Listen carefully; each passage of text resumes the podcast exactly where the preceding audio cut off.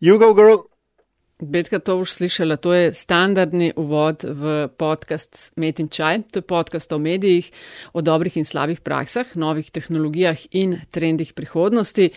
Gosti v medijih delajo, z njimi živijo in o njih razmišljajo. Z vami svaljaš Pengovitenc, Radio Chaos in Nataša Briški, Metina Lista in uh, Aljaš. Tokrat bo najna gostja nekdo, ki v medijih je delo, pa še vedno na nek način dela, ampak ne spet tako zelo neposredno. Ne?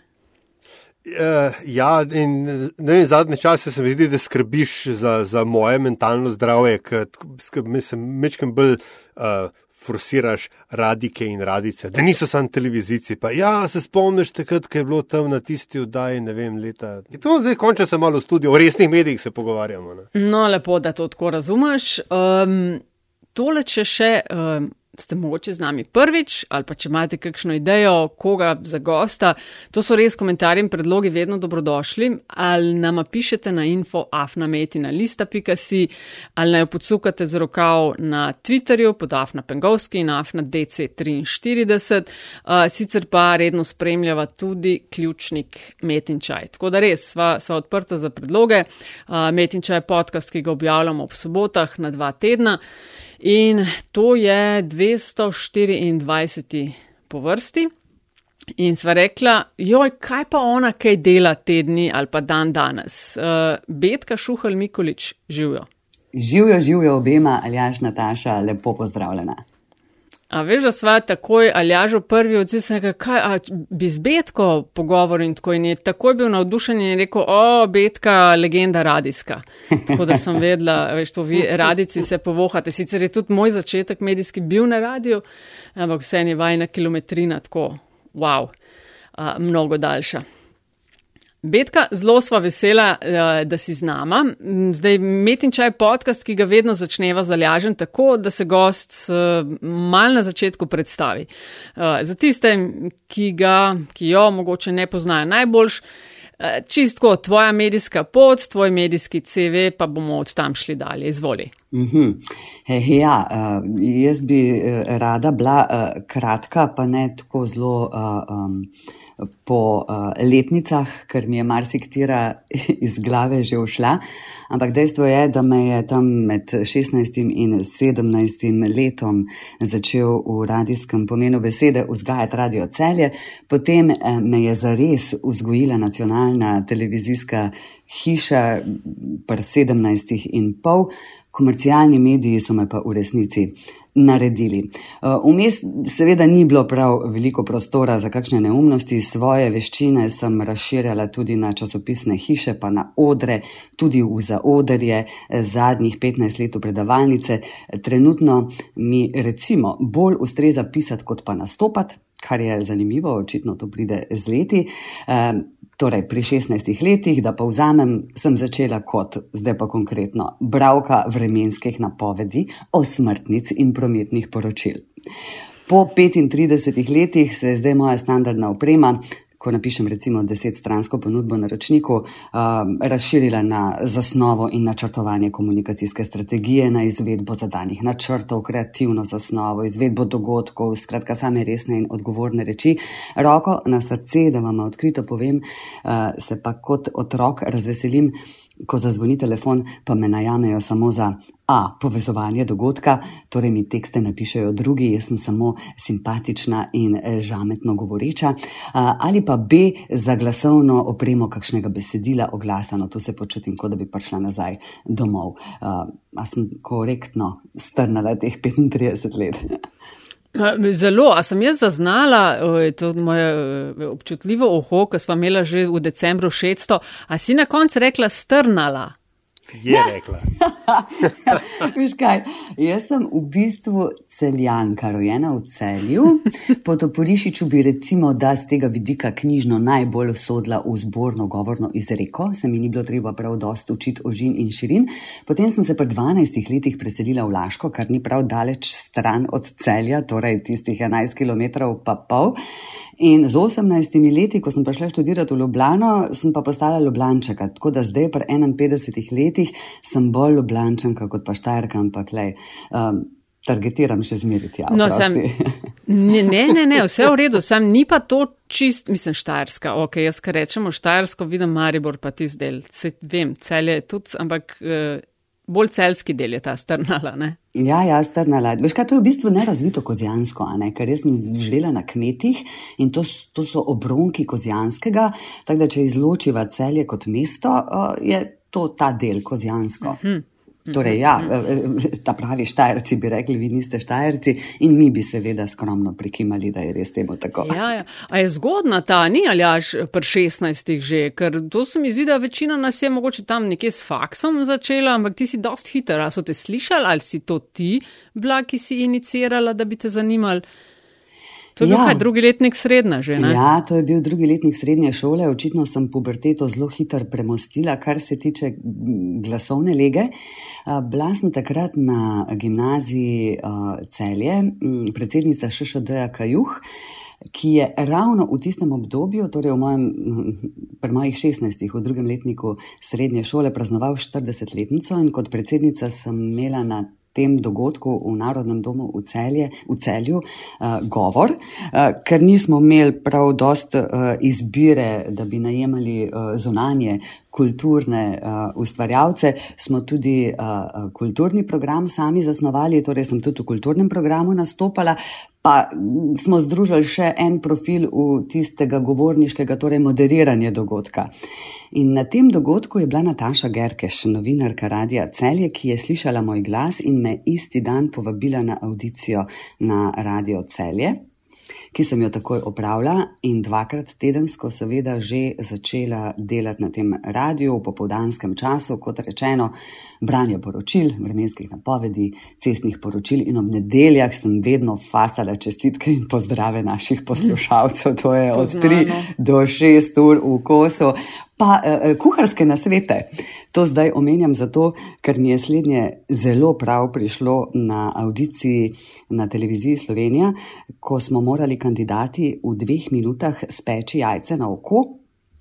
In ker sem imela, seveda, nekaj letno kilometrino s kuharskimi nasveti, sem to opravila B in tudi minutažo, a veš, kot tradicijo imaš v, v telesu, v možganjih in dve minuti točno, brez napak, brez maščobe. Čak sem uh. za biti speaker, ki si mogla jajca peč na TV Sloveniji. Uh, najtežje je uh, ljudem obrazložiti najbolj preproste stvari. Torej, uh, mnogo lažje bi mi bilo, uh, recimo, uh, napraviti kot kuharski nasvet na audiciji uh, fila na teleča prsa.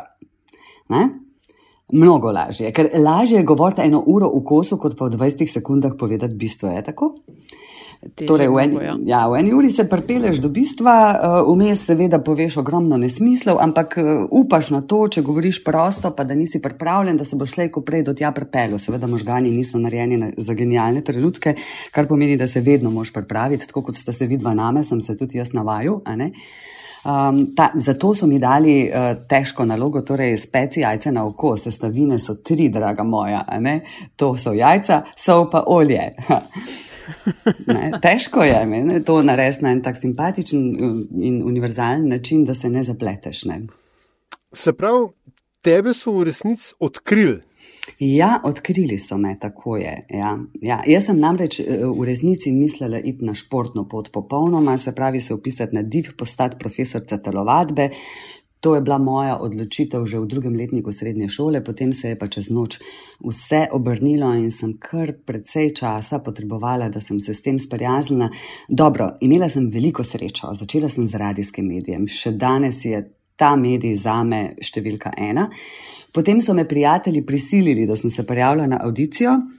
Eh, prisilili v tem smislu, da so tako dolg uh, ustrajali s tem, da naj bi šla tudi na televizijo, da sem rekla, v redu, bom pa poskusila tudi tam, ampak na televiziji se v resnici nikoli nisem počutila dobro. Nikoli. Kakšne so pa ne, razlike, razen seveda očitnih, ampak v smislu priprave? Um, dimenzionalnosti medija, stika z gosti, take stvari med, med radijem in TV. Ja, radio je neposreden stik, takojšen.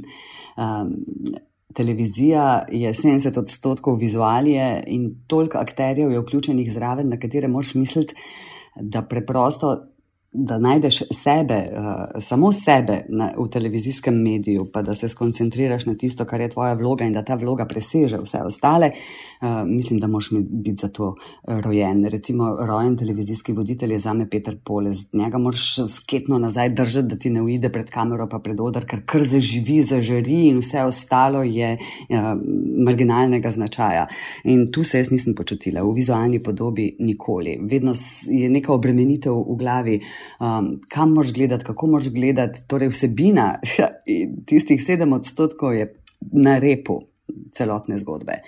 Um, tako da ta, ta uh, razlika, če govorim o vlogi voditeljice ali pa moderatorke v televizijskem pomenu besede pred kamero, je teže kot uh, na radiju. Na radiju si pa sam v studiu, uh, poslušalca si predstavljaš enega samega na oni strani in dejansko jih več ne moreš uh, imeti v glavi kot enega, ker ni kamer, kamor bi gledal. Ker če imaš v studiu štiri kamere, se ti zdi, da se že štirimi pogovarjaš. Potem še, so še štiri kamermani, pa dva asistenta, pa režiser iz režije, skratka, en kup enih ljudi, ki ob tebi eh, so, eh, težko se sfokusiraš samo na enega samega gledalca. Kar je najbolj pravilno, pravzaprav, ko so nas učili tista stara šola na televiziji Slovenija, da si moš vedno predstavljati enega samega, kateremu eh, nekaj sporočaš. Pa še ko gledaš v kamero, a veš, nas so učili da ko gledaš v kamero, uh, moraš gledati skozi njo, tako kot da bi gledal skozi človeka. Mislim, jaz v življenju ne gledam skozi človeka, nisem niti karakterno takšna, niti je to en tak poseben trening, da se tega naučiš. Predstavljaj si, da imaš kamero meter in pol stran od sebe in da ne škiliš in da si uh, sproščen in da ima gledalec občutek, da gledaš direktno njemu v oči. To je ena posebna tehnika, ki se jo moraš priučiti in ti vzame toliko pozornosti, um, primerjavi z vsem ostalim, kar je tvoja vloga tisti trenutek, ko si v studiu, da tega sama pri sebi nikoli nisem premostila. No. Nekje sem zasledila, Betka, da si rekla, da ta tvoja karijera je zelo bogata v medijih. Blane. Zdaj ali pa ne vem, nekaj let nazaj, si se pa preselila mogoče mal na, na drugo stran v smislu, da učiš ljudi nastopati, da vodiš prireditve in tako dalje. Ne? Uh, si nekje izjavila, da se z mediji raj ukvarjaš posredno. Kaj si tukaj imela v mislih? Uh, veš kaj, ljudje, ki delamo v medijih, se tle ne vem, se vse video z mano strinjala ali ne, uh, se mi zdi, da um, živijo v dveh svetovih, se pravi v realnosti, pa v privzeti resničnosti. In mediji po letu 2006 so začeli zelo prisegati na tisto resničnost, ki jo sami ponujajo svojim uporabnikom, torej gledalcem, bravcem, poslušalcem. In se nisem dobro uh, počutila, nisem znala bekslati med tema dvema vlogama. Zelo me je spremenila tudi porodniška. Eh, ko sem rodila, se je v moji glavi vse spremenilo, predvsem prioritete. Uh, mož mi je večkrat rekel, recimo, a si ti opazila, da nekaj govoriš, drugo pa delaš. Uh, mislim, da je to ena od lasnosti medijskih ljudi, da ko prestopijo vrata medija, um, zauzamejo drugo držo, druge vrednote, drugo realnost. In to je mene odvračalo od. Prizemljenosti, torej od tistega, kar sem in od tistega, kar nisem v resnici. Zato sem se umaknila iz medijev. V tem letu sem imela zelo uh, težko obdobje razmišljanja o tem, kaj dejansko uh, bi počela, če ne bi delala uh, v medijih, da ne bi bila več povezana s študijem. In mi je po drugi strani prav prišla, ker sem prve tri mesece seveda bila popolnoma proti, tu jaz delala več ne bom. Druge tri mesece sem razmišljala o tem, kaj bi, in zadnji tri meseci so mi prišli prav v tem smislu, da ok, ostani povezana z mediji, vendar le v njih dosti veš, mogoče bi pa za kulisje bilo tisto, ki bi bilo zate dobro, lahko izbiraš svoje stranke, svoje naročnike, če daš odpoved, takrat sem bila na radiju hit redno zaposlena. Uh, torej, si svobodna. Ne, delovna si, še vedno lahko delaš 16 ur na dan, ampak tisto, kar bi želela in tisto, kar je tebi blizu in z mediji povezani, povezano ravno toliko, kolikor sama hočeš. Zato sem šla v PR-ovske vode oziroma organizacijo dogodkov, ker dogodki so mi tudi neskončno blizu. Eh, prej je Aljaš eh, omenil, želel vedeti razliko med televizijskim in radijskim medijem. Um, ja, tudi uh, oder je tisti, ki je radiju recimo zelo podoben kot mediju, ne? neposredni in direktni stik z gledalcem, s tistim, ki v dvorani sedi, imaš in tu si dejansko v pravem, mislim, tistem trenutku, v tistem prostoru uh, prisoten sto odstotno. Za razliko od radia vidiš ne, svojo, svojo publiko. Um, ampak, uh, da je več povej o tej razliki med, um, če sem te prav razumel, vrednotami oziroma um, miselnostjo ne, zunaj in znotraj radijskega studia. Kaj se je zgodilo, oziroma kako ti ta premik in te razlike vidiš?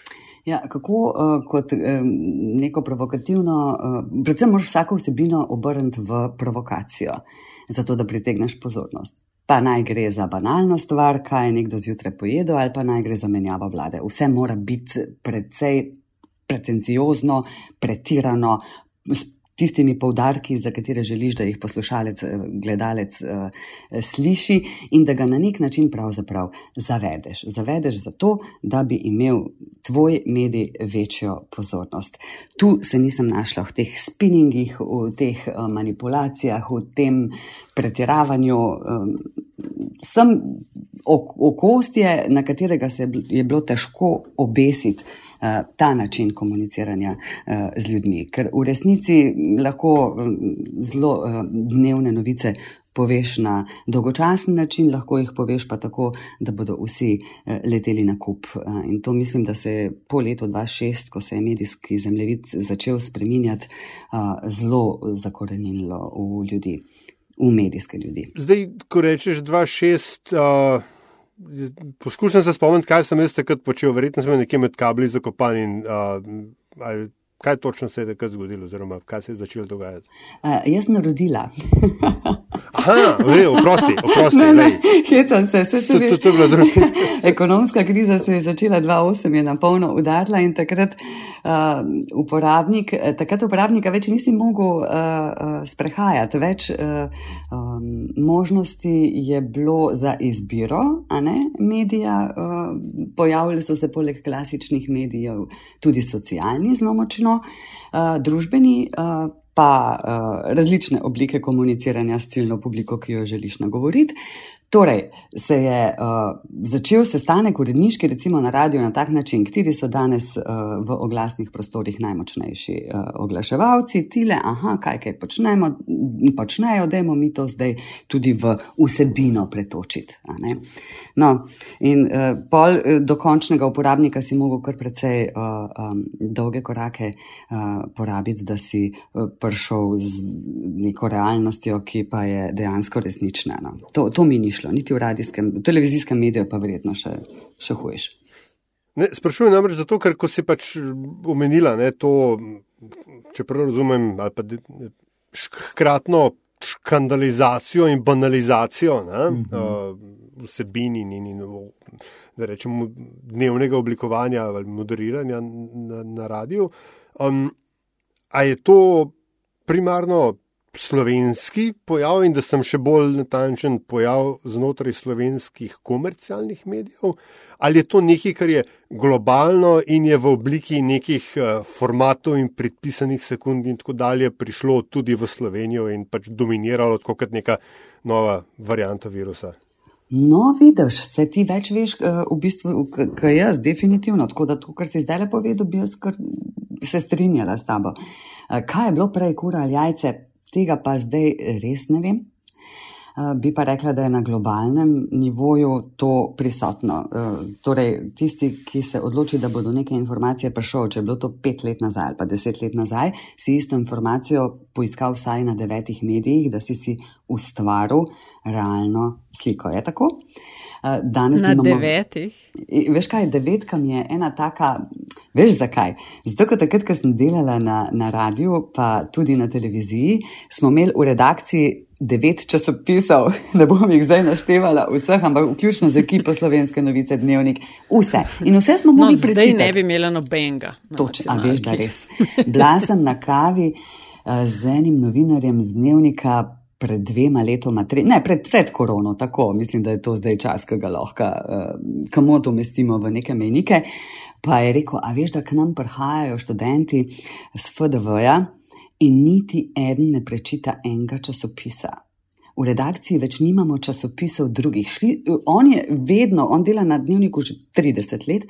Preden je šel v službo, je šel v trafiko in tisto, kar ni bilo v redakciji na mizi, v naročniškem razmerju, mislim, je kupil v trafiki in je prebral teh devet medijev. Zato mi je ta devetka tako um, v glavi ostala tudi uh, po njegovi zaslugi. Danes več tega ni, nihče več nič ne bere, razen povzema po headlinih, pa po bolj danem tisku iz računalnika, iz tistih medijev, ki jih želi prebrati. Ampak pazi, če ti hočeš vse prečitati, pa preveriti, kje dejansko si, rabiš zelo velik časa. Torej, te je lažje, uh, te lažje mediji sprehaja, če si samo njegov. Mm, ja, moj, uh, referirala sem še na to, te zadnje ukrepe na RTV-ju. No kjer je za ne vem koliko 150 novinarjev dva izvoda. Sam, ampak ja, imaš prav, no. absolutno, tudi mm. sama opažam, ja, da, da manj beremo, tudi moj lastni, manj beremo v smislu teh veš, časopisov v časopisni obliki. No. Ne pomeni, da manj berem, ne, ker pač na spletu veliko eh, zajevam novice, ampak ja, tega pa, tega pa res, res manj. Um, Dej povej, kaj se ti, um, pač šla si iz medijev, ki si bila slavna voditeljica, pa na televiziji si uh, imela, zdaj ne vem, če samo, ampak se mi zdi, da bi se te veliko ljudi spomnili tudi po tistih narodno-zabavnih oddajah uh, in so te ljudje videvali in tako, wow, vas smo pa na televiziji videli, pozaj si pa premaknila na dru drugo stran. Ne? Kaj so bile mogoče tiste, če se spomniš, prve opaske, te kaj zmotila se, te kaj presenetila, ker veš, pol si pa ti bila tista, ki si nekaj ljudi recimo učila medijskega nastopanja ali jim kot PR stvar v narekovaju rihtala nastope na televiziji ali pa minutaže in tako dalje. Kaj si kaj opazila? Veš, kaj sem uh, opazila? Da mi zelo uh, veliko daje ta prednost, da mediji poznam. Se pravi, poznala sem v drobovje tri klasične medije: časopis, radio in televizijo. In kot medijski človek sem točno vedela, kaj določen medij potrebuje za to, da bo vsebino uvrstil v programsko schemo. Po drugi strani sem z tega vidika lahko naročniku svetovala, kako naj novico zapakira, da bo še vedno verodostojna, ampak da bo za medij primerna. Torej, imaš različne naročnike, eni hočejo kvalitetno pojavljanje, torej ne prepogosto, drugi kvantiteto. Okay. In z vsakim naročnikom, ko pove, kaj želi, v kakšnem kontekstu naj bi bili mediji prisotni v njegovi marketinški PR-ovski uh, strukturi, uri, eh, lahko že čez palc ocenim, a bo to šlo ali ne bo šlo, če po domače povem. Torej, to je zagotovo prednost, ampak še vedno, uh, mislim, poudarjam, gre za win-win situacijo. Se pravi, da je medij zadovoljen in da je zadovoljen naročnik, ker oba imata na koncu istega uporabnika, samo da je v primeru medija to poslušalec, gledalec, bralec, v primeru naročnika pa uporabnik storitve ali produktov, ali pač ne bom zdaj tle naštevala. To se mi zdi velika prednost, da medij poznaš. Slabost tega pa je, da so me nekateri naročniki v teh letih seveda večkrat vprašali, pa kdo tebe plačuje? Medij ali mi? Mislim, to je, a veš, Nataša, pa zdaj pa tako, ne, ker če jaz na ročniku rečem, poglej, to, kar ti želiš, absolutno ne bo v nobenem mediju objavljeno, zato ker je to tvoja kaprica, tvoj ego, tvoja želja, ne gre skozi, torej dej ti uporabniku tisto, kar želi, ne tistega, kar ti želiš prodati. To je bistvena razlika. Tako da sem s tema dvema, dva naročnika sta bila konkretno, ker sta uh, vse čas uh, imela občutek, da se da vse kupiti. Ma ne da se, ne moreš vsega kupiti na tem svetu, ni na prodaj. In jaz stojim verodostojno na strani medija, takrat, ko mislim, da ima medij prav. Da ima, mislim, da škoda mi je časa uh, in volje, da medije nagovarjam v nekaj, v kar niti sama ne verjamem.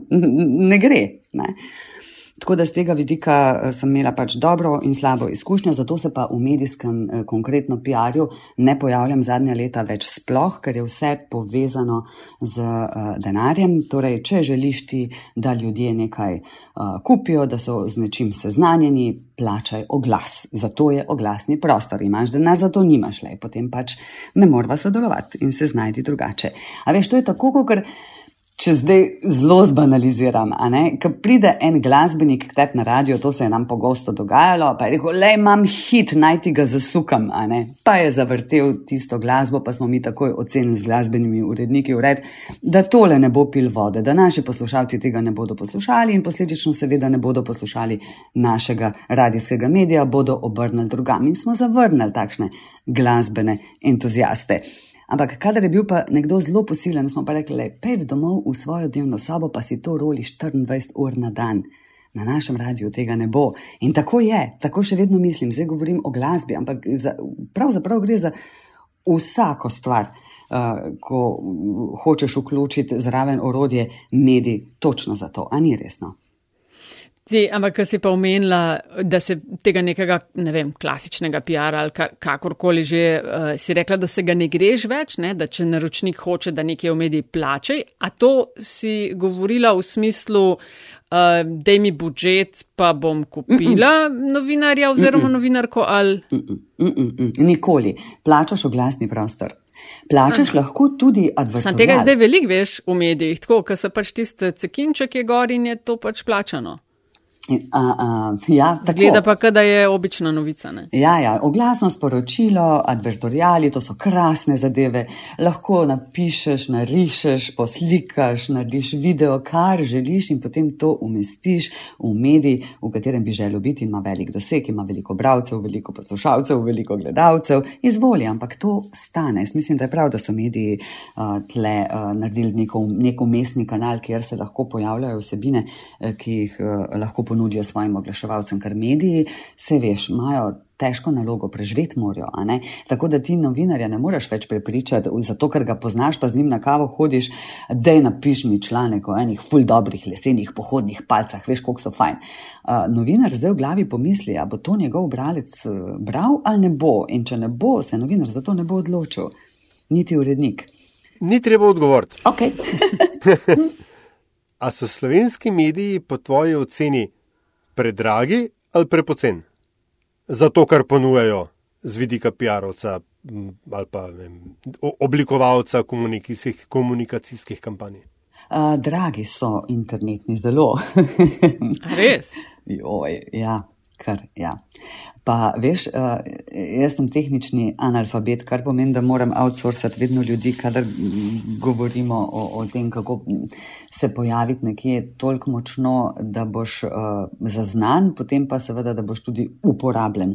Uh, zelo veliko denarja moraš dati v digitalne medije mislim, internetne uh, medije. Ogromno. Mislim, vse take izkušnje imam jaz. Je pa res, da, nimam, da imam low profile uh, uh, naročnike, torej srednja uh, in majhna podjetja. Uh, dobro, imam tudi dva zelo velika, ampak se zelo, zelo uh, odločamo, katere kanale bomo. Uh, uporabljali v naši strategiji, preden gremo vanjo. Večinoma klasični mediji sploh niso uh, zraven. Um, niso zato, ker dejansko jih tudi ljudje širše gledano ne uporabljajo več toliko, kot so jih nekoč. Tako kot si sama prej rekla, Nataša, ti vse prebereš tam, kjer hočeš poiskati.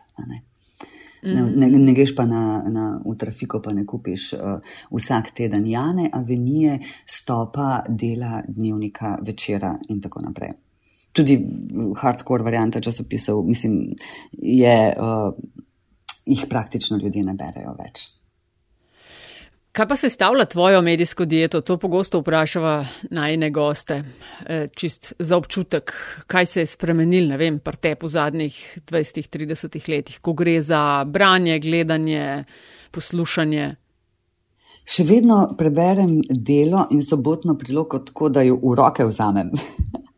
-hmm. In mhm. to je edini medij, ki ga dejansko uh, v roke vzamem. Aha, pa ona kot priloga slovenskih novic pa, pa dela. Vse ostalo pa uh, poiščem zjutraj ob zajtrku na netu, se pravi, začnem z RTVSLO, potem grem na 24.com. Potem grem na finance, če me kak članek zelo zanima, imate recimo ful dobre uh, komentarje, piše čist out of the box, če, če poznam kakšno temo, o kateri se mediji recimo da razgovorijo v zadnjem tednu ali pa v zadnjih treh, štirih dneh, ker čas dan danes mnogo hitreje teče, kot je nekoč. Grem pogledat, kaj je on napisal, ker on pa zagotovo doda kakšno piko na i, tako da si potolažem mal dušo.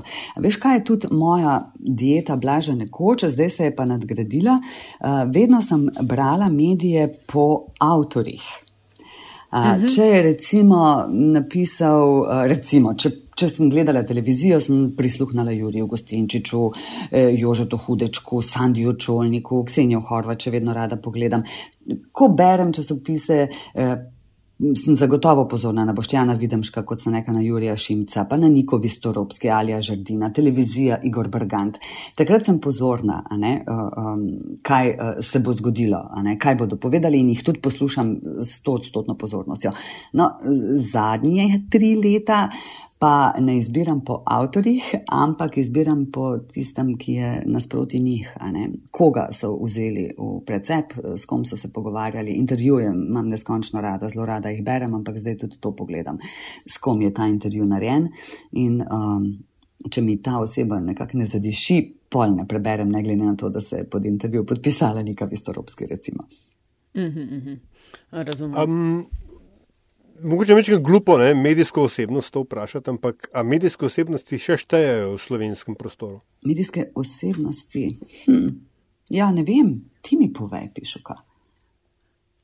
Ne vem, jaz, tak, jaz sem fizično odmaknjen od slovenskega medijskega prostora, čeprav še vedno v njem delam. Ampak, da, ne vem, jaz se ne sprehajam po ulici, In veš, ne vidim situacije, ko ne vem, veš, ali gre betka šuhel po cesti dol ali gre. Ne, mislim, A, tako mislim. Bedna fora, zadnjič v kempu, eh, polet srečen Denisa Audiča in človek, nihče se ne ozre za njim.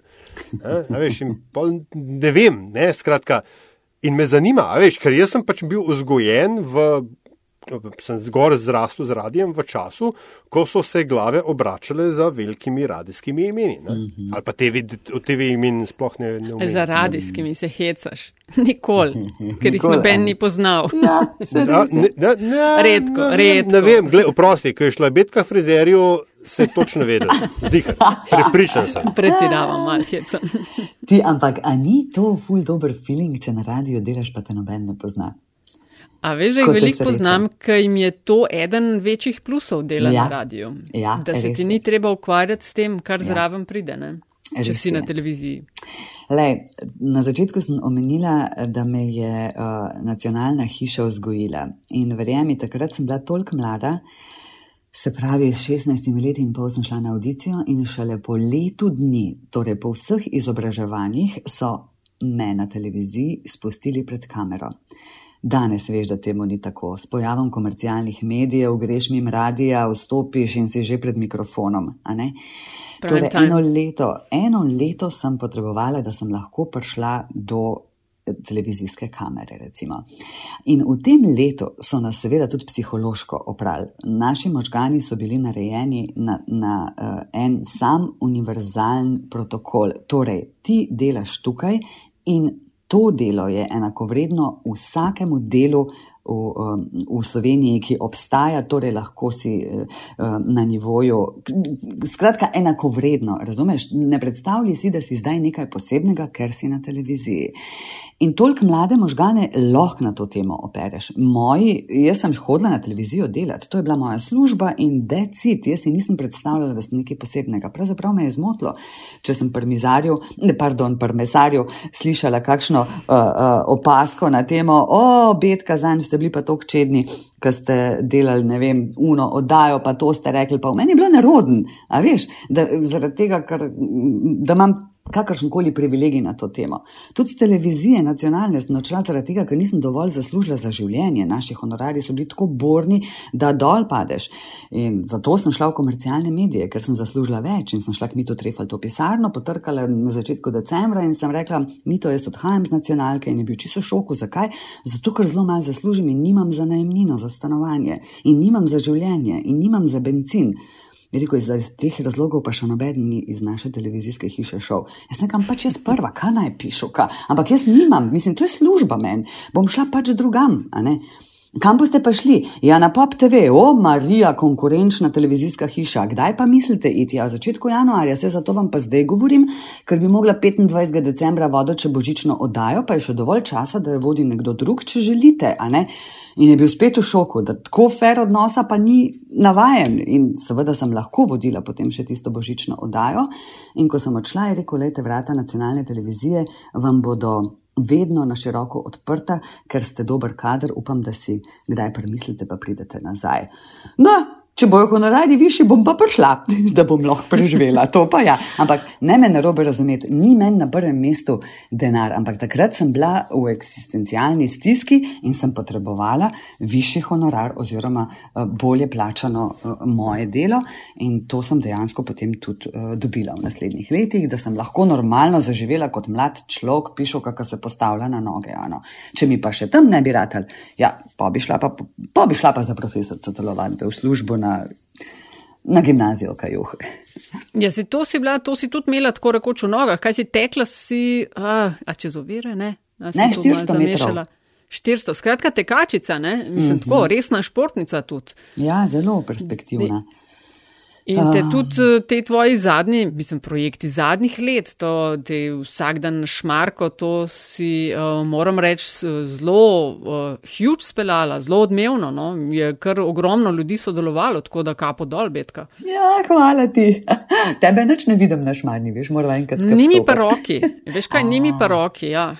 Okay. nimi pa roki in jaz sem se zadnja leta, jaz sem dolga leta bila v teh ekipnih športih, ne, seveda ob tej uri pa 10-12 Eh, je nas moglo biti, da smo lahko igrali. Ne? Odbojko sem trenirala, pol mi je pa zadnjih 15-20 eh, let mi je pa bolj pri srcu take aktivnosti, ker sam dam, ne vem, se oblečem in čez vrata grem in, in je. Mm, Šmarka mm. mi ni pa nogi, no? mi je pa tek to pa kadarkoli. No? Mm. Ja, ampak daš pa tudi smoči gor, pa greš na severni pola, veš. Tak, da, ja, recimo, ne, če, če nanese. Če nanese. Kapo dol, ne, to recimo, da se to spomniš, pa da to dejansko pa tudi izvedeš. Ti, ki sem pa že prej pripeljala, da si rekla, da se z mediji raje ukvarjaš posredno, sem pa seveda ujela tudi uh, tvojo izjavo, da ne delaš politike. Uh, ja. Zdaj pa, če to lahko malo tudi poveš, zakaj, oziroma kam pade pol v tem kontekstu, zdaj nam reka, da je ti zelo delanje politike, ampak zelo odmeven je bil performance. Uh, Goloba, zdaj že nekdanjega direktorja um, genija v stari elektrarni in to si ti vodila. Ne? Se pravi, ok, zakaj ne politike in kam to paše? Lej, vsak naročnik, ki me pokliče, je moj naročnik v prvi vrsti. Pri politiki, recimo, da je ta prvi korak popolnoma enak vsem ostalim, s katerimi sodelujemo. Uh, moram pa uh, tle imeti vedno eno ročno potegnjeno, zato ker politiki pač ne zaupam nobenem politiku v naši državi, ne zaupam, da tisto, kar govori, tudi dejansko misli. Mislim, da je zadaj mnogo matematike, da se med sabo zmenijo, le ti meni to, jaz tep to. In tle na tej šahovnici se preprosto ne vidim, ker sem v osnovi po vrednotah še vedno narejena na tisto, na kar sem bila pred 30 leti, torej na win-win situacijo, da je zadovoljno uh, slehrno telo, ki v nekem sistemu funkcionira. Le odkar sem polnoletna, sem sama svoje usode gospodar in to mi omogoča svobodno možnost izbire. Torej, izberem stranko, s katero deliva iste vrednote, prepričanja, verjameva v urodja, s katerimi bova uh, uspeli doseči cilj, tako da bosta obe strani zadovoljni in predvsem ne opeharjeni, niti materialno, niti čustveno. V politiki, po mojem mnenju, takšno delovanje ni možno. Preveč matematike, ti meni to, jaz te ono pa sva zmenjena. Teh veščin nikoli nisem usvajala. Torej, gre za moj karakter in za moj miren spanec, da z mirno in čisto vestjo zaspim. Ne bom rekla, da me niso vabili v svoje kroge, so me tako levi in desni, če lahko govorimo tle o neki taki uh, zelo radikalnih opcijah, ki jih tako v Sloveniji ni, um, pa sem vsakič rekla ne. Ne grem, ne dam niti svojega glasu v volilni kampanji, ne dam, razumeš? Ne, ne gre. Pa sem pol skregana, ne za nek določen čas, ampak še zmeri mirno zaspim in rečem, prav sem naredila. Mm. Ker si ne predstavljam, da prijem k mojemu mesarju, ne pa da mi reče, joj, betka za SDS si reklamo posnela, super, a si zdaj članica te stranke. Ja, halo, a veš, ti žametni glasovi, ki so bili nekoč zelo in, a ne to pomeni, da predvsem to čustveno, čustven del človeka nagovarjajo. Ti glasovi eh, so vplivni glasovi in jaz se zavedam tega, da lahko svojim glasom vplivam, pa čeprav v reklami rečem samo kupujte boš, a ne. Ampak, lej, zato sem plačana, da v reklami povem, kupite boš, boš imam tudi sama doma, torej gre skozi, medtem ko pišu. Pa le kako si nama hitro uturila. Hitro uvali. Ne, ne, ne, ne, ne, ne, ne, oprosti, oprosti, ne, se ni bil boš. V redu je, hecam oprosti, ne, ne, nisem tega hotla, ampak veš, da tudi pri teh stvarih razmišljam, ko me pokličejo agencije. Delamo uh, oglas televizijski in radijski. Uh, tako kot sem zdaj rekla, da še enkrat ne omenim. A, ne? a veš, in jaz razmislim, a me to zanima ali me ne. A veš, o, no, v ta stroj pa ne verjamem, ne bi me. In pa mi moj dejan reče, moj mož, ma z belim kruhom se kregaš. Ja, le, pa mirno spim, a ne. Ja, rečeš to. čakaj, čakaj, ja. mirno spiš, to je že, ampak je benti 3-4 ure na noč. Kaj je to, Betka? Ja. 3-4 ure na noč sem spala zadnjih, uh, lej, zdaj, zdaj tri leta uh, spim dlje. Eh, prej sem pa spala res 3-4 ure na noč, dokler mi ni Nika Vistoropski povedala, da je spanje zelo pomembno in kako da jaz pri svoji pameti tega še nisem ugotovila in da naj nujno preberem knjigo, zakaj spimo. Jaz sem se s tem namreč vse čas hvalila, a ne Nikola Tesla je tudi spal 3-4 ure na noč, a ne pa dobro, nimam jaz tega genialnega uma, ampak očitno lahko ne shendlamo s temi urami. Pa veš, da Nataša temu res ni tako. Meni se je začel pojavljati po desetih letih, da preprosto sem začela zgubljati fokus, koncentracijo, da sem se v prostoru odpravila na točko A, pa sem do polovice pozabila, kam pravzaprav grem in zakaj. In to je vse povezano s spanjem. Ko sem to knjigo prebrala, sem rekla, betka moja, pri teh svojih letih si tako neumna, kako je to možno. Da še enkrat povej knjigo, ker to moram tudi jaz začeti brati. Zakaj spimo? Okay, hvala. Noro dobra knjiga. Jaz bi tukaj sam pripomnil, da sem šokiran, da se, to, da se ti je to začelo pojavljati šele po desetih letih, meni se ponovadi po treh dneh.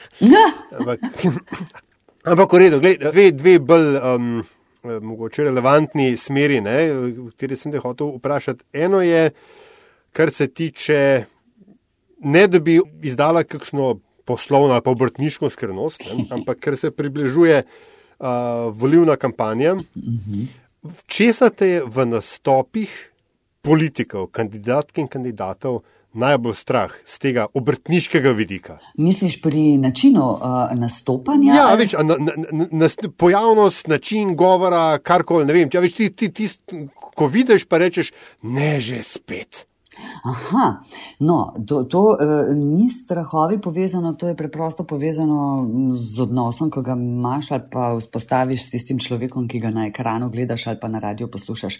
Obstaja en čudovit gumb, ki se mu reče off ali pa preklopiš na drug program in to konstantno počnem. Zadnja tri leta vse čas to počnem in uh, se počutim zelo dobro.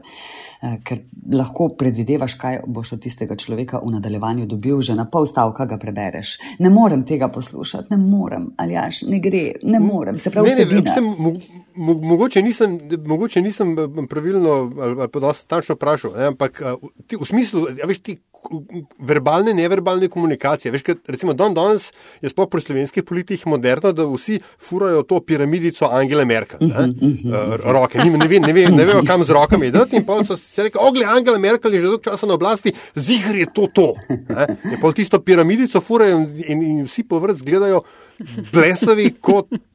Ne vem, kvadraten kolo, a, veš, ampak uh, uh, a ne vidiš tisto, bi, kar bi si želela videti v slovenskem političnem razredu. Čistko. Glih, kje si glih politiko mogel izpostaviti? Zakaj se ne pogovarjamo o avtomobilih? Vse se bomo, ampak kam, prihaja kampanja. Pa, ne vem, če si slišala z Natašo, je še en drug podcast, nekaj se oblikuje, ker se malo s politiko ukvarjamo. Pa sem čist preveč. Ma ne, povej, Betka, lej, ti si profi za nastopanje, učiš to, nastopati to, ja, v javnosti. Ja, veš, kaj, uh, ni treba, ni, res ni treba imen. Sam tako, kaj, koga vidiš, ne po imensko, ampak kaj za te model dobrega nastopanja? Kaj jim v narekovaju prodajaš, ko učiš? Robert. Kogarkoli. Veš kaj? Uh, ne, le, zakaj sem omenila to ime?